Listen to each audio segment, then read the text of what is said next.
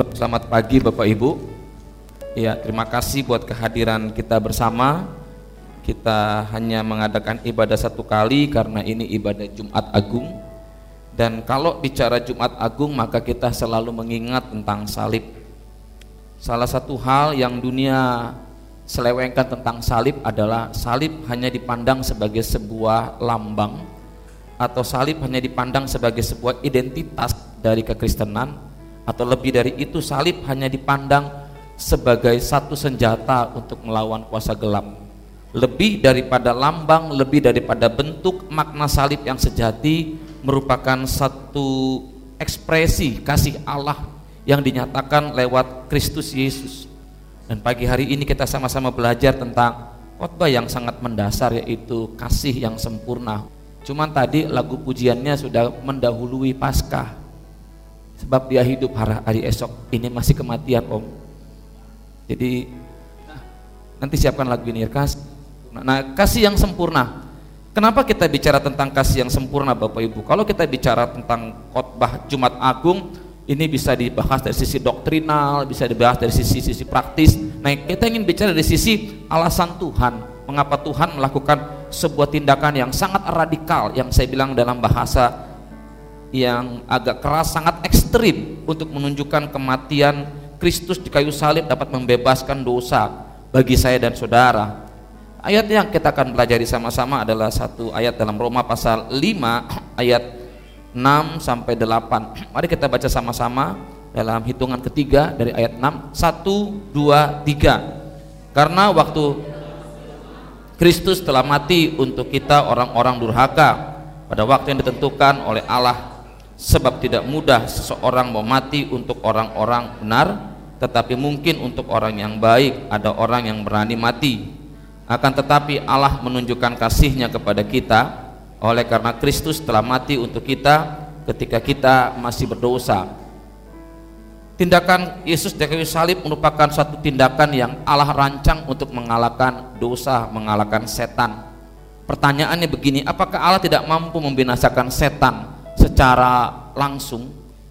Memang satu sisi Allah mampu mengalahkan setan secara langsung, tapi kita umat Allah tentu kita akan menjadi umat yang tanpa memiliki perjuangan memahami bahwa begitu sulitnya pergumulan untuk mengalahkan kuasa gelap Allah konsisten dengan hukumnya bahwa akan ada hari di mana setan akan dihakimi dan setan akan dihukum selama-lamanya.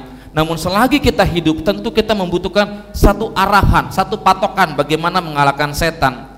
Awal dosa adalah pemberontakan, awal dosa adalah kesombongan, awal dosa adalah ketidaktaatan. Salib melambangkan sebuah ketaatan yang sempurna. Salib melambangkan sebuah kasih yang melandasi semua tindakan Tuhan sehingga melalui salib mungkin orang berpikir bodoh orang berpikir ah ini tindakan bodoh kenapa Allah nggak bertindak langsung membinasakan setan Allah ingin memberi contoh bahwa tindakan mengalahkan setan bukan sekedar soal kuasa tapi tindakan mengalahkan setan adalah soal penyerahan, soal ketaatan di mana Allah yang bertindak untuk melakukan kemenangan bagi saya dan saudara. Amin. Di akhir zaman kita lihat bahwa ketika orang-orang yang bernubuat, orang-orang yang melakukan mujizat, justru ditolak Tuhan karena kualifikasi dari orang-orang yang layak berkenan bagi Tuhan di akhir zaman adalah orang-orang yang melakukan kehendak Allah dan salib melambangkan satu tindakan radikal yang dilakukan oleh Yesus Kristus dalam sebuah ketaatan yang sempurna sampai mati ini melambangkan bahwa setan nggak mau berkorban buat saudara, setan hanya ingin memperbudak saudara, setan hanya ingin memakai saudara untuk kepentingannya, tapi Allah menunjukkan tindakan yang sangat radikal. Dia mengasihi kita, dia menunjukkan sebuah tingkatan kasih yang sangat sempurna yang membuat kita mengerti bahwa jika bukan Tuhan yang melakukannya, maka kita nggak akan mampu melakukannya. Sebab itu dikatakan karena waktu kita masih lemah, Kristus telah mati untuk kita, orang-orang durhaka pada waktu yang ditentukan oleh Allah sebab tidak mudah seorang mau mati untuk orang yang benar tetapi mungkin untuk orang yang baik ada orang yang berani mati akan tetapi Allah menunjukkan kasihnya kepada kita. Oleh karena Kristus telah mati untuk kita ketika kita masih berdosa. Bapak Ibu di dalam pengorbanan Kristus kayu salib ketika hari itu ha, ketika itu hari sudah kira-kira jam 12 lalu kegelapan meliputi seluruh daerah itu. Jadi di tanah perjanjian, di tanah timur tengah yang tandus, terik begitu uh, panas begitu terik, tapi jam 12 tiba-tiba kegelapan meliputi selama tiga jam. Sebab matahari tidak bersinar dan tabir bait Allah terbelah dua. Lalu Yesus berseru kepada dengan suara nyaring, "Ya Bapa, ke dalam tanganmu kuserahkan nyawaku." Dan sesudah berkata demikian, ia menyerahkan nyawanya. Bapak Ibu ini gambaran bagaimana terjadi satu kondisi yang luar biasa ketika penyalipan Kristus. Di tengah hari bolong, jam 12, tepat tengah hari, terjadi kegelapan. Dan di tengah kegelapan tersebut terjadi peristiwa supranatural, tabit bayar Allah terbelah dua. Dan setelah itu semua terjadi, baru Yesus menyerahkan nyawanya. Setelah semuanya terjadi, baru Yesus menyerahkan nyawanya dan berkata, "Sudah selesai." mengutip dari satu situs dari uh, saudara kita orang Katolik dia berkata seperti ini. Cara Yesus mengungkapkan totalitas kasih Allah yang paling radikal berpuncak pada peristiwa salib. Cara Yesus dalam mengungkapkan totalitas kasih Allah, totalitas kasih Allah yang paling radikal itu berujung pada salib. Jadi tingkatan kasih yang Yesus tunjukkan untuk menunjukkan kasih Allah itu dibuktikan lewat salib. Kena keyakinan Yesus dalam kasih Bapaknya yang tak tergoyahkan, itulah yang memberikannya kekuatan untuk bertahan sampai akhir. Dari awal taman Getsemani sampai peristiwa penyalipan, bukan sesuatu yang mudah. Di situ dia dihina, dia ditolak, dia difitnah, dia diadili dengan tidak benar, dia di, dia dicemooh, dia dihujat, dia diludahi, dia ditempelin, telanjangi, disiksa, dia dicambuk, dia mengalami hal-hal yang di luar batas kemanusiaan. Dia bertahan, tidak memberontak, tidak lari, tidak kabur, dan tidak meminta kuasa Allah dicurahkan untuk menghancurkan orang-orang tersebut semata-mata karena dia meyakini kasih Allah melalui salib adalah sebuah kemenangan yang akan menghancurkan semua belenggu dosa. Dan itu membuat dia mampu bertahan. Membuat dia mampu bertahan. Dikatakan bahwa dia mati menyerahkan nyawanya buat saya dan saudara. Dari hal ini kita melihat bahwa kematian Kristus memberikan gambaran buat saya dan saudara bagaimana kasih yang sempurna itu dinyatakan bagi kita semua. Kematian Kristus yang pertama, ia menunjukkan kasihnya saat kita masih lemah. Dikatakan dalam bagian Alkitab, karena waktu kita masih lemah, Kristus telah mati. Lemah ini dalam arti apa? asli kata lemah ini bisa berarti fisik namun pemahaman Paulus bukan hanya soal fisik tapi lebih menyeluruh karena waktu itu kota Roma sedang dikuasai oleh Kaisar Nero di mana orang Kristen sedang dihakimi di, di dianiaya maka satu sisi secara fisik mereka lemah sisi lain bahwa ada kelemahan lain yang tidak bisa diatasi manusia yaitu bagaimana kalau orang hidup tanpa pengharapan orang hidup tanpa Kristus, orang hidup tanpa kuasa Kristus. Maka dari itu, ia menunjukkan kasihnya saat kita masih lemah. Keadaan lemah bisa menunjuk di mana manusia yang hidup tanpa pengorbanan Kristus, manusia yang tanpa pengharapan. Saudara, pengharapan itu sangat penting buat kita.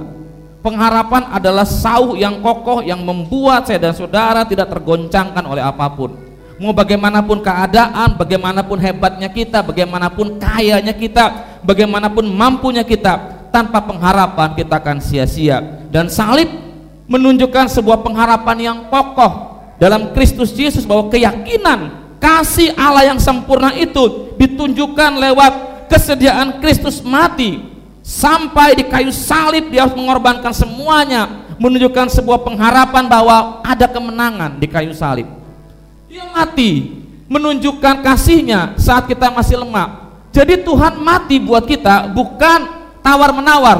Kau mau terima aku nggak? Kalau mau terima aku baru aku mati. Enggak. Dia melakukan segala sesuatu lebih dahulu daripada apa yang kita pikirkan.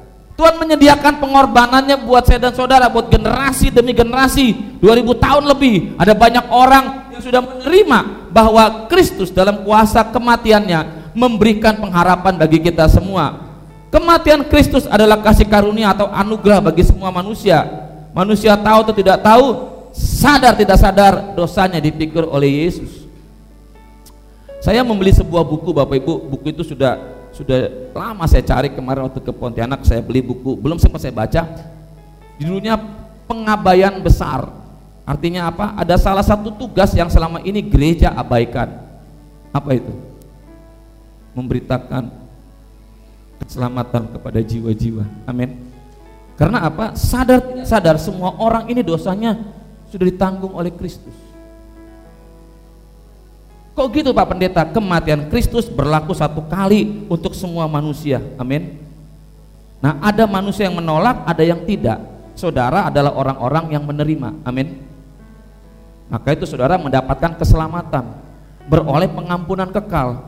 Tapi orang-orang yang menolak, orang-orang yang tidak tahu, itu perlu diberitahu, perlu diarahkan, perlu diinjili supaya dari hati yang keras, hati yang menolak, dari orang yang tidak tahu menjadi tahu, menjadi lembut hingga mereka menyadari bahwa Kristus mati pada saat kita masih belum bisa apa-apa. Kristus mati pada saat kita masih lemah. Kristus mati pada saat kita masih hidup dalam ketidakberdayaan. Ini menunjukkan bahwa sesuatu tindakan yang radikal yang dilakukan Tuhan, dia menyadari bahwa akan ada orang-orang yang menolaknya akan ada ada orang orang-orang yang mencelaknya, akan ada orang-orang yang menghujatnya, tapi dia tetap melakukan itu karena dia mengasihi kita. Amin. Pemahaman hari-hari ini saya mendapatkan satu satu informasi dari satu situs bahwa kekristenan di Amerika itu turun, Pak. Yang naik apa? Yang naik bukan agama, tapi sikap orang-orang terhadap Tuhan. Mereka tidak lagi mempercayai Tuhan, atau mereka mempercayai Tuhan Tuhan yang dapat diatur mereka. Atau mereka percaya sama Tuhan tapi Tuhan yang tidak ikut campur atas urusan mereka. Artinya apa? artinya manusia mulai mulai melepaskan diri dari eksistensi Allah yang maha tinggi. Mereka tidak mengakui Tuhan atau mereka mengakui Tuhan dengan segala kuasanya tapi jangan ikut campur urusan saya. Humanisme manusia di atas segalanya mulai menggerogoti manusia yang hari ini hidup di era modern. Mereka berpikir kalau dahulu orang menyembah Tuhan karena belum ada teknologi. Hari ini teknologi bisa menjawab beberapa hal yang menjadi pertanyaan besar zaman dahulu. Tapi teknologi juga hari ini membawa kita mulai meragukan Tuhan. Lihat terlalu gede. Jadi hati-hati Bapak Ibu di Indonesia satu sisi mungkin kita belum terlalu merasa karena Indonesia masih kultur religiusnya kuat sekali. Tapi kita harus jujur bahwa kultur religius ini semakin hari semakin mengarah pada radikalisme. Betul nggak? Semua agama secara sadar nggak sadar akan terbawa pada radikalisme. Saya tidak mengatakan jorgon-jorgon hamba Tuhan itu salah, tapi setidaknya bahwa Indonesia bagi kemuliaan Tuhan segalanya seakan-akan begitu eksklusif. Orang memandang itu sebagai sebuah pandangan bahwa orang Kristen ingin menguasai negara ini. Akibatnya apa? Mereka juga berpikir kita harus seperti itu, menegakkan hukum-hukum tertentu. Ngerti nggak? Kita nggak sadar membangkitkan sesuatu yang selama ini ingin dibangkitkan dan mereka bergerak. Kenapa? Kenapa ini terjadi? Karena kekristenan tidak membumi. Kekristenan tidak berakar kekristenan hanya menjadi satu bentuk bahwa saya orang Kristen dan yang di luar Kristen itu maaf kata kafir akan binasa. Akibatnya apa? Kita hanya sampai pada pemahaman kamu belum terima Yesus, kamu binasa. Pertanyaannya adalah tak ada untuk membuat mereka percaya mengenal Yesus sebagai Tuhan dan Juru Selamat. Amin. Amin. Kita masih puas di sisi sini loh. Kita melihat orang berdosa, kita melihat orang berzina, kita melihat orang begini, kita nggak nggak berbuat apa-apa, kita hanya oh kasihan ya, kita hanya mendoakan mereka, tapi kita nggak pernah melakukan sesuatu untuk menegaskan bahwa Kristus mati bukan pada saat kita masih kuat, kita masih lemah. Kalau demikian bahwa mereka juga berhak untuk menerima karya keselamatan Kristus. Amin. Sadar nggak kita mengabaikan salah satu fungsi yang paling mendasar di gereja itu memberitakan Injil. Ia menunjukkan kasihnya bagi orang durhaka. Pemahaman durhaka di sini bukan durhaka seperti ratapan anak tiri Bapak Ibu. Kristus telah mati untuk kita orang-orang durhaka pada waktu yang Tuhan Allah menunjukkan bahwa Yesus mati bagi semua orang. Kata durhaka dalam teks aslinya bisa berarti memberontak kepada Tidak mudah mati untuk orang lain. Kalau mungkin seseorang bisa mati untuk orang baik. Tapi Yesus mati untuk orang durhaka, yaitu orang yang melawan dia. Itu sesuatu yang sangat luar biasa. Mati bagi musuh, berkorban bagi musuh, berkorban tentang nggak bisa dilakukan oleh semua orang. Orang berdebat begini, kenapa Yesus itu harus mati? Kenapa Tuhan harus mati? Saya ingat kata-kata pendeta Rubin Adi begini. Saya tidak akan bisa percaya orang menjadi Tuhan, betul? Tapi saya percaya Tuhan menjadi manusia. Amin. Yesus adalah Tuhan yang menjadi manusia.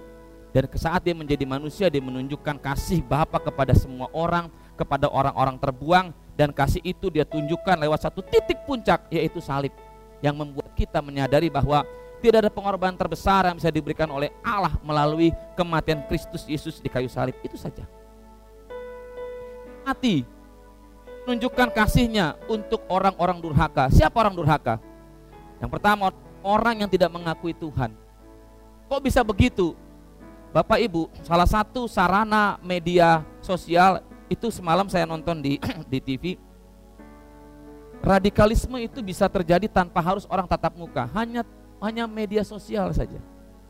Bapak Ibu tidak ada yang bisa menghalangi internet. Mau bagaimanapun, mau dibikin blokir gimana pun, internet orang pasti lebih canggih daripada teknologi tersebut. Dengan adanya teknologi hari ini yang Bapak Ibu pegang lewat HP, radikalisme, pemahaman-pemahaman apa pun bisa kita terima tanpa kita sadari gitu.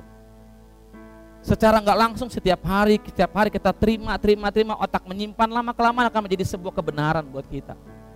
Contoh, saya katakan berkali-kali, orang pusing minum, sakit kepala minum, sakit kepala minum, itulah korban iklan. minum, paramek. Jadi tiap hari paramek, bodrek, paramek, lama kelamaan sakit kepala ingat, lama kelamaan info yang masuk lewat media sosial, televisi dan itu nggak sadar. Kita nggak sadar itu direkam, direkam, direkam, direkam, direkam, direkam, direkam, direkam, direkam, direkam, direkam, direkam, direkam, direkam. Pada saat kita mengalami tekanan itu keluar dan kita kita nggak ada saringan yang kuat itu jebol dan kita menjadi orang-orang yang tidak benar. Kita mesti mengerti bahwa Kristus mati bukan hanya untuk orang Kristen, dia mati untuk semua manusia. Maka dari itu kasih kita kepada orang lain jangan hanya terbatas untuk orang Kristen saja. Saya ingin bersaksi tentang satu satu hal yang yang mungkin Bapak Ibu ketawa dengernya.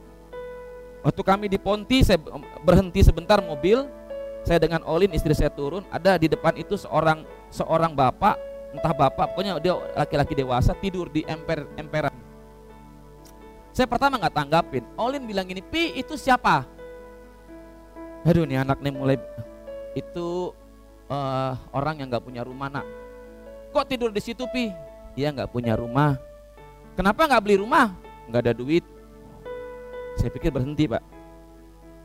Udah makan belum dia pi?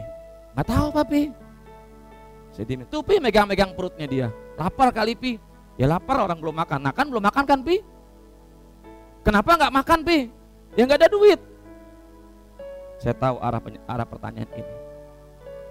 Papi kan punya duit, coba kasih dia. Nanti dia orang jahat. Nah, lu papi kan harus kasih dia, kasihan dia lapar tuh. Istri saya turun. Kenapa? Kasihan dia mi. Tiba-tiba di hati saya ada suara bilang gini, kamu memberi makan ketika aku membutuhkan. Ingat seperti waktu Yesus berkata kepada orang-orang saat dia lapar, kita kasih makan orang-orang nggak punya. Saya masih mengeraskan hati. Saya putar lagi saya jalan. Anak saya bilang gini mami papi gak, gak kasih uang tuh buat orang situ. Gila nih anak nih kayak pendeta aja udah ulin kita udah jalan. Saya mencoba menyangkal gitu karena saya takut ketika saya datang ke dia dia todong kan gak enak. Saya sama Ulin susah kan? Pikiran saya negatif. Kemudian istri saya bilang udahlah kita kasih saya putar lagi kita putar lagi. Bapak itu lagi di, udah diam. Saya nggak tanya agamanya apa nggak tanya suku apa. Kemudian kita berhenti kita buka kok kita buka uh, jendela. Olin bilang pi kasih duit pi. Iya iya iya. Lihat mami kita kasih. Itu bapak saya nggak tahu gimana ketika dia terima berkat dari kami. Tiba-tiba semua yang membebani itu plong set seperti Tuhan bicara seperti ini kamu bisa makan di restoran beberapa puluh ribu, tapi buat dia itu hampir nggak ada hari ini. Di situ saya bilang Tuhan terima kasih bahwa eh, hal-hal uh, kecil yang kita lakukan kepada orang lain, kita nggak usah bilang saya Kristen pak, saya pendeta, ini buat bapak ya. Nggak usah, nggak usah norak. Bapak agamanya apa? Oh bukan Kristen ya, nggak bisa, nggak usah. Kita tinggal kasih, kalau kita digerakkan kasih, mau, mau berapa itu urusan hatimu, tapi minimal engkau memberi bukan karena status orang tersebut, bukan karena agama orang tersebut, bukan karena dia suku apa, tapi karena ada yang menggerakkan hatimu, karena engkau mengasihi dia seperti Kristus mengasihi kita padanya, amin. Saya diingatkan Pak Eras dalam sebuah khotbah. Kadang-kadang kita di restoran ini kan suka suka galak ya, suka jahat ya, suka marah-marah sama pelayannya. Tahu nggak dia tuh udah capek kadang-kadang. Udah seharian melayani datang kita cepat.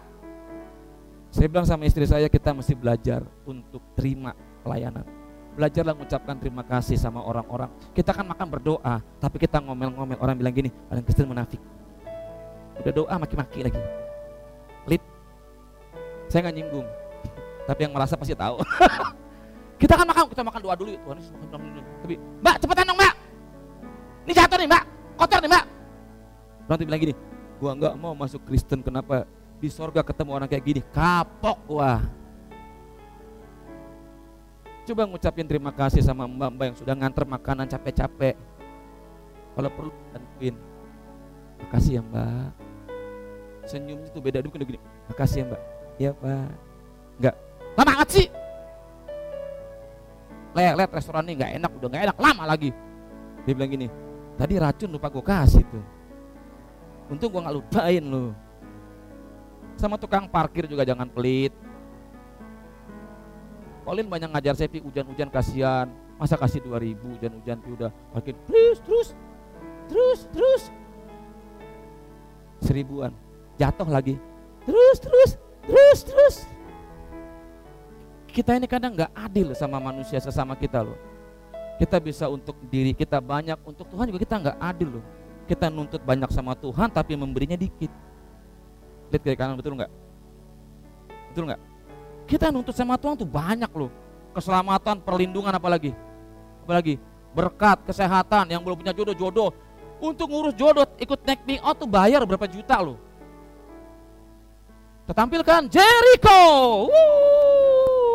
Cewek-cewek tet tet apa nolak karena udah punya Rafika om langsung WA nggak boleh. Kita tampilkan Erwin semua terima. Wah Erwin yang sana. Kita kadang-kadang nggak adil sama Tuhan loh. Dia mati buat orang durhaka. Dia nggak perhitungkan macam-macam. Dia nggak berdengar eh kau orang baik nggak? Aku mau tolong engkau nggak? Dia mati buat semua orang. Orang yang memberontak menentang dia juga karyanya bagi mereka. Saya di Ponti saya belajar satu hal bahwa kita nggak boleh pelit sama siapa pun. Nggak boleh pelit dalam arti begini.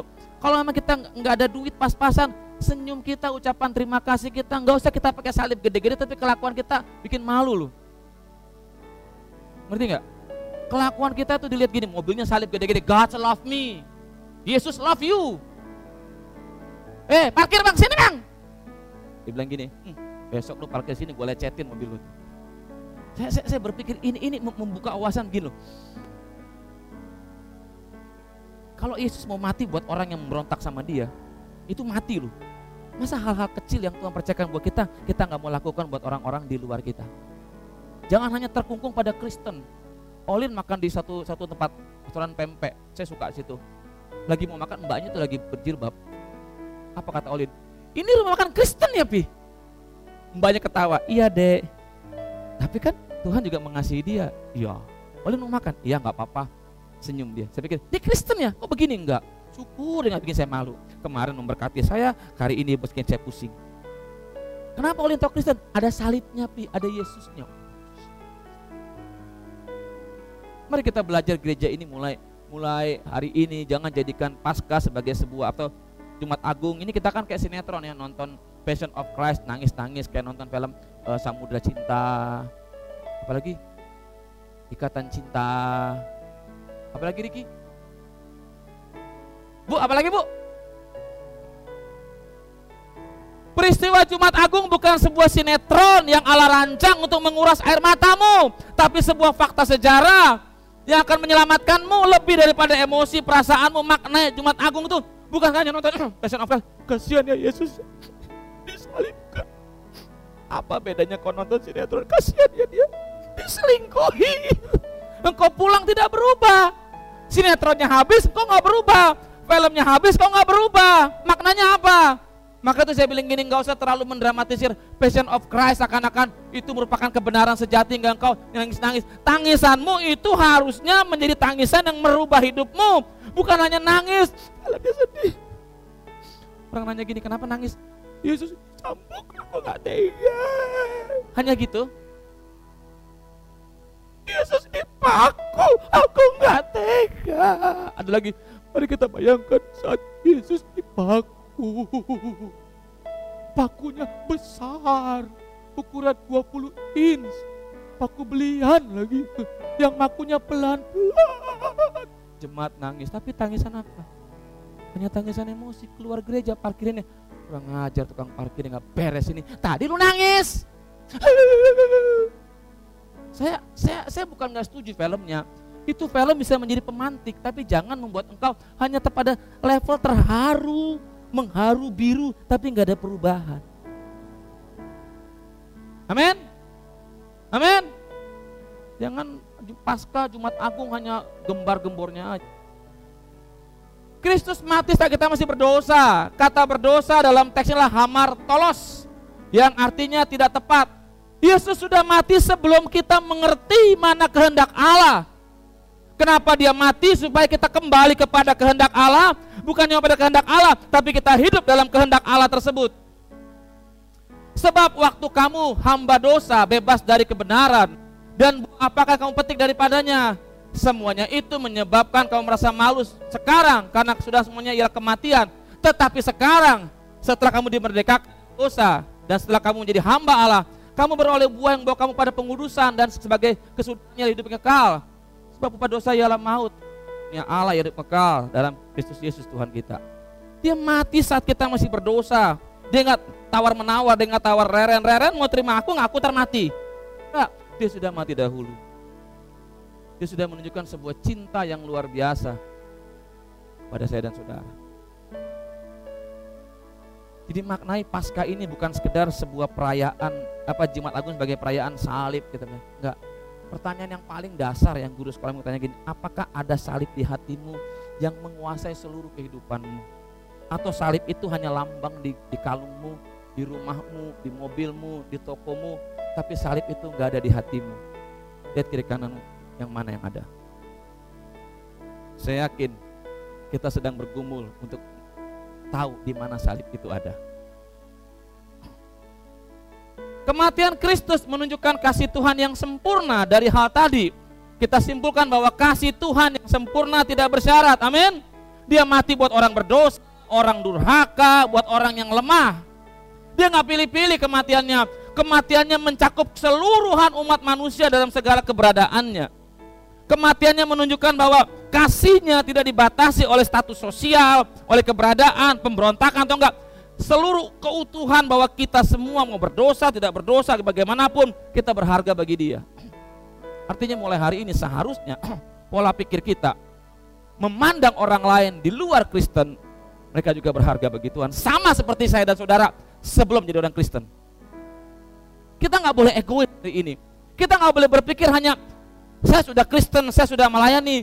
Itu belum cukup saudara dan saya harus mengerti bahwa kita ditobatkan, kita dipulihkan, kita dimuridkan untuk menjangkau jiwa-jiwa supaya mereka juga memuridkan orang lain.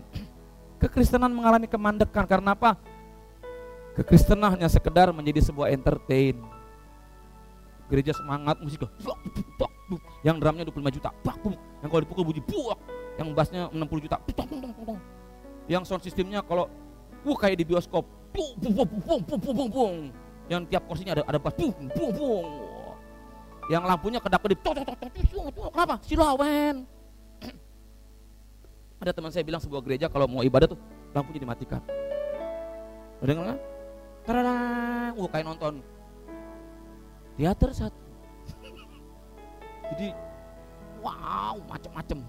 Saya bilang gini ini yang ditonton orang bukannya Yesus kasihan gereja maka tuh banyak gereja-gereja kampung yang listriknya pakai dongfeng itu mau beli peralatan canggih. Tiga hari meledak. Mau beli apa? LCD pakai apa pak? Dongfeng. Aduh. Mau beli apa? Beli AC saya bilang nggak usah usahakan Kristusnya nyata. Tidak usah. Nggak usah pusing. Saudara menjadi orang Kristen tidak ditanya kau kaya berapa? Kau ganteng nggak? Masa partai masa ada sorga bilang gini untuk orang ganteng agak enak. Untuk orang setengah ganteng, sorganya agak panas. Untuk orang jelek, permanen. Itu panasnya permanen. Nggak ada itu. Nggak ada. Yang kasihan operasi plastik.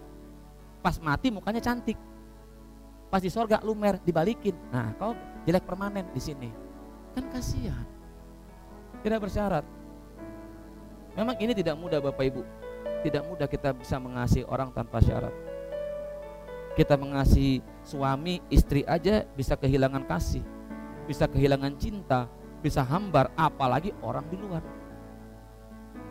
Tidak mudah. Tidak mudah. Saya bersyukur sekolah di SMA negeri.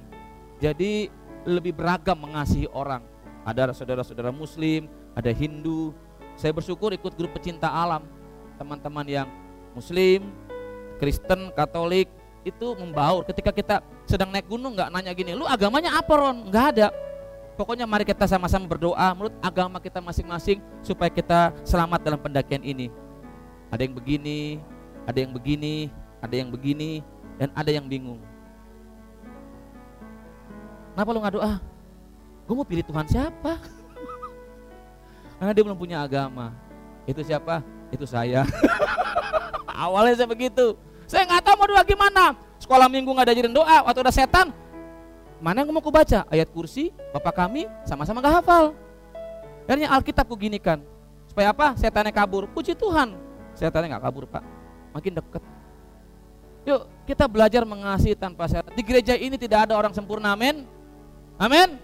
Kalau udah sempurna saudara udah di sorga. Di gereja ini akan ada orang yang menyakitimu, mengecewakanmu, melakukan hal-hal yang kau nggak suka. Sama seperti kita juga demikian pada orang lain. Jadi kita menuntut orang lain mengasihi kita kalau kita nggak lebih dahulu mengasihi mereka. Kita yang terlalu egois, kita nuntut orang harus A, B, C, D, F. Sementara kita nggak pernah menyadari diri bahwa kita juga melakukan hal-hal yang buruk pada orang lain secara sadar atau tidak sadar. Tidak bersyarat. Berkorban, berkorban bukan cuma soal uh, uang, berkorban waktu. Hari ini saya lihat yang orang-orang Tongin ada di sini. Terima kasih Bapak-bapak. Saya tahu pergumulan kalian berat sekali hadir di sini. Tapi tepuk tangan buat saudara-saudara kita yang Tongin. Tanpa saya sebut Pak ya. Tapi hari ini memang berat buat yang Tongin. Buat yang Batak lancar lah. Buat yang Jawa gak ada masalah. Buat yang Tongin ini pergumulan berat Bu ya. Karena kalau nggak ikut nanti dibilang, tapi saya lihat ada yang tongin-tongin di sini Bukan berarti kalian lebih baik, tapi kalian lebih berani memutuskan untuk datang ke Tuhan. Yang belum putuskan nggak apa-apa kita berdoa supaya hari-hari ke depan mereka berani memutuskan. Korban itu bukan cuma soal uang.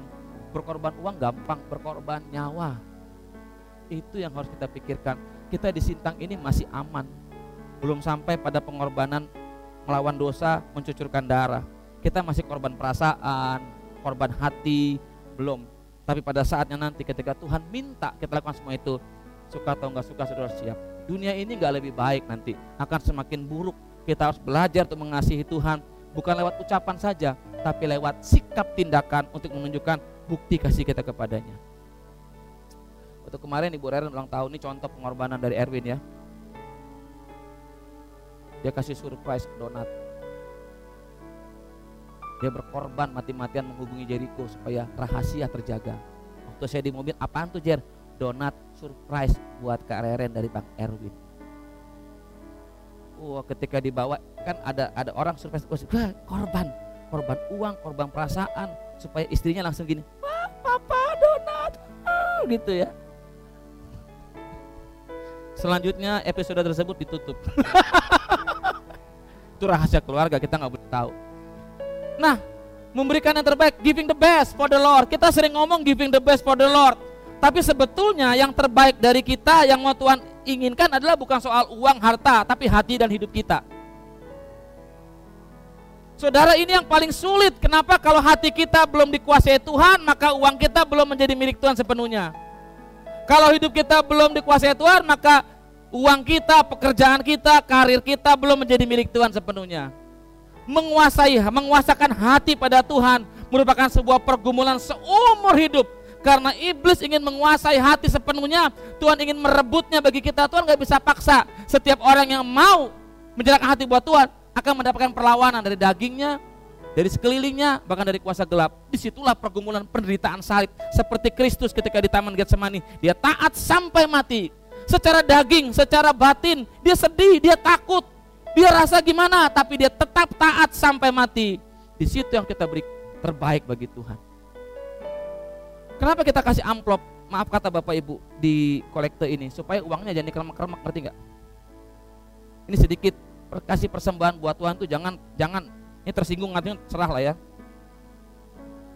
Jangan uangnya tuh udah udah luntur hurufnya. Apalagi ada ada apa? Lakban. Udah yang lakban nggak pas lagi. di sini nggak ada di gereja di mana? Di mana ya? Dekat Sudan bu. Oh, Syria Utara sana. Jadi persembahan gini, aku beri yang terbaik buat Tuhan. Kenapa kecil? Kasihan bendahara ngitung. Seret. Om ada setrikaan kenapa? Ini uang kok kepalanya peang, set. Saya sekarang belajar seperti ini Bapak Ibu. Kalau saya ngopi, makan di restoran misalnya 20 30 ribu Masa untuk Tuhan kalau memang ada kasih cuma 5 ribu Ini bukan jumlah ya tapi minimal kita mau adil karena tuntutan kita kepada Tuhan tuh banyak sekali. Berkati aku Tuhan hari ini. Lindungi anak istriku, keluargaku, berkati usahaku berlimpah-limpah. Tuhan, karirku Tuhan naikkan, omsetku Tuhan tinggikan dalam nama Yesus. Di tengah corona ini Tuhan tolong supaya lepas daripada corona ini Tuhan. Uh, pulang pergi ku jalan Tuhan sertai dan Tuhan pimpin. Uh, berapa itu? Berapa itu? Berapa itu? Berapa itu? Hah? Berapa itu? Tuhan, kalau aku sakit Tuhan jamah dengan kuasa Yesus. Obat dokter berapa? Kalau kita kalkulasi, mungkin setiap hari kita minta sama Tuhan ratusan juta. Betul? Betul? Tapi saat Tuhan minta sama kita hati aja, hati aja, tawarnya minta ampun. Kayak saya kalau belajar di Cepaka Mas, berapa tasnya Pak Koper? 1,2. Wih, ada 250 ribu, berantem saya. Bener, Kau nawar gila ya? Bapak yang ngasih harga gila. Yang benar, saya benar. Berapa pasnya? 250. Ya udahlah, sama kau tujuh setengah lah. Turun kan dia? Gak mau. Eh pelit sekali kau. Dua setengah, harga mati. Kan udah mau tutup. Eh sini, 500 lah. Enggak. Kita pura-pura lambat, pura-pura bego. Udahlah, Mau tutup 300 lah. Enggak, dua setengah. Pelit kali kau. Mau kasih enggak? Eh sudah ambil lah. Temen saya bilangin, kok bisa Ron? Cempaka Mas itu kan daerah gua. Lu kalau belanja pas pagi-pagi atau pas mau tutup, lu siang-siang dikerjain lu. Teman saya beli koper yang sama, gede dikit berapa? Dua setengah juta. Hmm, bego. Kita sama Tuhan gitu, Tuhan berkati aku Tuhan gini gini gini gini. Kumung hatimu setengah ya Tuhan. Hati-hati saudara. Dagang boleh, tawar menawar sama Tuhan, jangan tawar menawar. Kita mintanya ratusan juta, kita memberinya hati yang Tuhan mau, yang sudah ditebus dengan darah yang mahal, harusnya menjadi milik Dia. Dia minta sama kita, kita naharnya mati-matian. Mulai hari ini kita mesti sungguh-sungguh sama Tuhan. Kesimpulannya adalah secara simpel. Tadi sudah saya sebutkan dan saya ingin kita tekankan di sini. Melalui salib Tuhan menyatakan kasih yang sempurna Artinya kita didamaikan dengan Bapa dan sesama.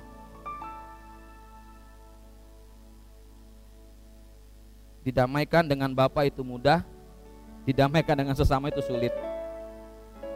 Ada banyak suami istri yang cekcok, yang cerai ketika pacaran mereka bercinta-cintaan, berkasih-kasihan, ketika mau berantem, cekcokan mereka berbenci-bencian, bahkan dendam kesuma. Jangan kau dekat bapakmu.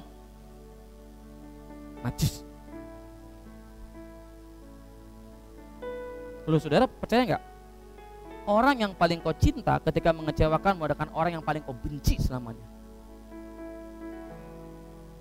Tapi orang yang sudah terima Yesus, yang sudah terima kasih Tuhan, bukan cuma berdamai dengan Bapa tapi belajar mengampuni. Susah om, memang kalau gampang dunia bisa kasih.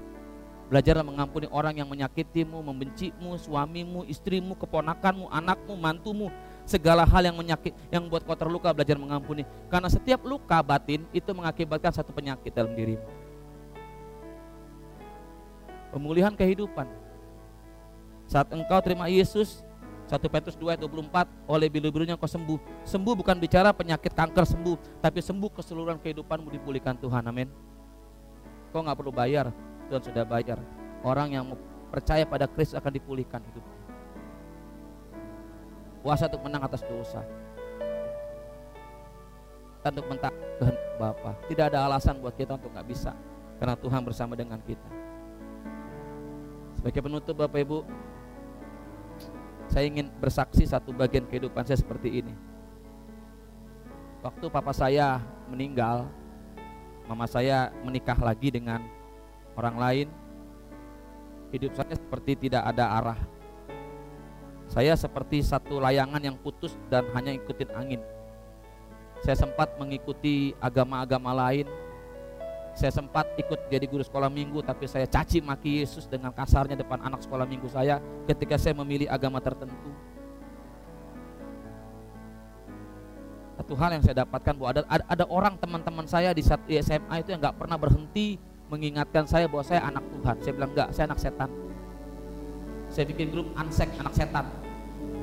Bangga lagi anak setan. Gua anak setan. Gua anak Tuhan, Ron. Anak setan, tahu nggak lo? Menyerang setan lo dia terus ngajak saya, mendoakan saya. Saya nggak tahu kenapa suatu titik di mana saya merasa jenuh dengan kehidupan. Dua kali saya hampir bunuh diri karena saya kecewa karena saya seperti merindukan bapak saya yang dahulu ada. Kalau bapak saya ada, saya pasti nggak seperti ini. Saya dulu makmur, orang katakanlah diberkati melimpah, datang orang-orang ke rumah kami hanya untuk minta uang. Hari ini saya jadi pengemis, saya merasa terluka, saya sempat saya marah sama semuanya. Saya bilang sama Tuhan, tunjukkan bahwa engkau ada bagiku Tuhan. Satu malam ketika saya hampir minum baygon, Bapak Ibu, bayangin minum baygon, udah saya tuang dalam gelas, udah di bibir. Saya nggak tahu kenapa tiba-tiba itu terhentak dan saya diingatkan bahwa masih ada Tuhan buat kamu. Dan ketika saya mengingat tentang kematian Kristus, saya diingatkan bahwa lewat pengorbanan yang radikal yang Allah berikan dia mampu mengubah saya secara radikal. Amin. Dari orang yang gak berpengharapan papa saya meninggal mama saya menikah lagi dan saya nggak tahu mau ke mana Tuhan tangkap saya Tuhan bimbing saya Tuhan bawa saya lewat sekolah Alkitab. Sekolah Alkitab saya seperti gak punya orang tua. Kalau liburan teman-teman pulang kampung ketemu orang tuanya saya hanya di ruang doa. Saya bilang satu ketika Bapak kalau engkau ada peluk aku karena aku merindukan dipeluk loh dipeluk nggak pernah merasakan itu loh. Suatu hari saya berdoa malam-malam saya dipeluk oleh satu saya merasakan kekuatan apa atmosfer yang begitu damai. Dan saya menangis. Semenjak itu saya bilang sama Tuhan buat saya engkau bapakku. Karena aku nggak pernah punya figur bapak setelah SMP kelas 1 selebihnya itu liar tak terkendali. Dan situ saya belajar bahwa kasih Tuhan yang sempurna itu saya jatuh bangun dalam dosa saya berbuat dosa, saya mengecewakan dia, tapi dia nggak pernah tinggalkan saya. Dia tetap cari saya, peluk saya. Setiap saya kembali bertobat, dia nggak tempeleng saya, dia nggak marahin saya, dia nggak tendang saya. Dia cuma tunjukkan satu kasih yang memulihkan saya dan saudara. Hari ini Tuhan mati bagi kita bukan karena engkau baik, bukan karena engkau hebat, tapi karena engkau berharga bagi dia. Dan bagi Tuhan, kau seperti anak-anak yang terhilang, anak-anak yang tersesat, anak-anak yang dibodohi kuasa setan dia mati saat kita masih lemah. Dia mati saat kita masih nggak berdaya. Dia mati saat kita masih durhaka. Semua itu semata-mata bukan karena untuk kepentingan dia, tapi supaya engkau dan aku mengerti bahwa masa depanmu dalam Tuhan itu lebih baik daripada masa depanmu tanpa Tuhan. Kalau hari ini kau bingung, kau takut, kau cemas, kau nggak berdaya, saya mau katakan dia Bapa yang hari ini sedang menunjukkan kasihnya lewat Yesus Kristus. 2000 tahun yang lalu dia sudah mati untuk menjangkau saya dan saudara dan hari ini dia ingin kau kembali merasakan kasihnya. Supaya apa? Supaya kau menjalani hari-hari tidak dengan kesia-siaan, dengan tujuan. Karena Allah bersama dengan engkau. bangkit berdiri bersama-sama.